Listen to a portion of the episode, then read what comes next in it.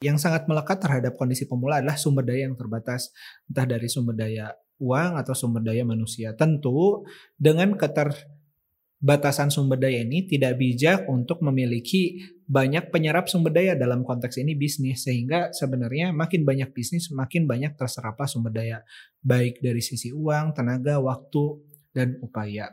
Nah, saran saya sih Oke, Kembali lagi bersama Tanya Yumin episode kesekian. Nah, ada pertanyaan dari audiens kita. Uh, kurang lebih pertanyaannya seperti ini. Terlanjur menjalankan beberapa bisnis saat masih pemula, kemudian sulit menentukan mana yang harus difokusin. Tolong solusinya, Min. Nah, kalau dari saya personal sebenarnya, uh, yuk kita definisikan tahapan pemula. Mungkin kalau pemula dalam definisi formula di mana di sana ada lima tangga bisnis, yaitu fase starting.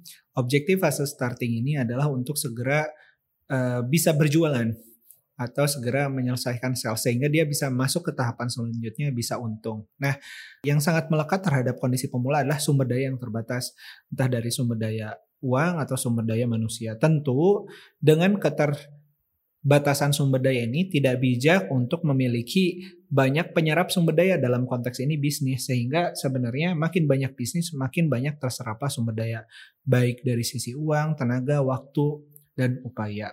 Nah, saran saya sih uh, dipilih mana yang uh, secara potensi dan juga secara performa sudah paling bagus di antara beberapa bisnis yang dijalani. Mungkin yang lainnya bisa ditunda dulu untuk dieksekusi atau bahkan ditutup.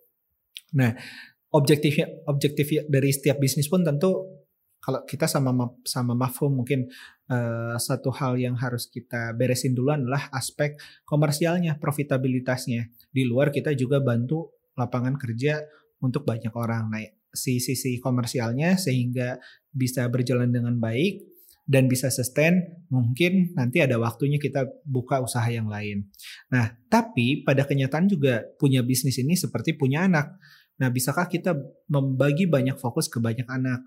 Bisa jadi ada beberapa anak yang ditelantarkan. Nah, tentu saran saya uh, waktu yang paling pas untuk bisa mulai misalnya membuka unit bisnis lain dan sebagainya pada saat teman-teman sudah punya bisnis yang tersistemasi dan sudah jalan delegasi.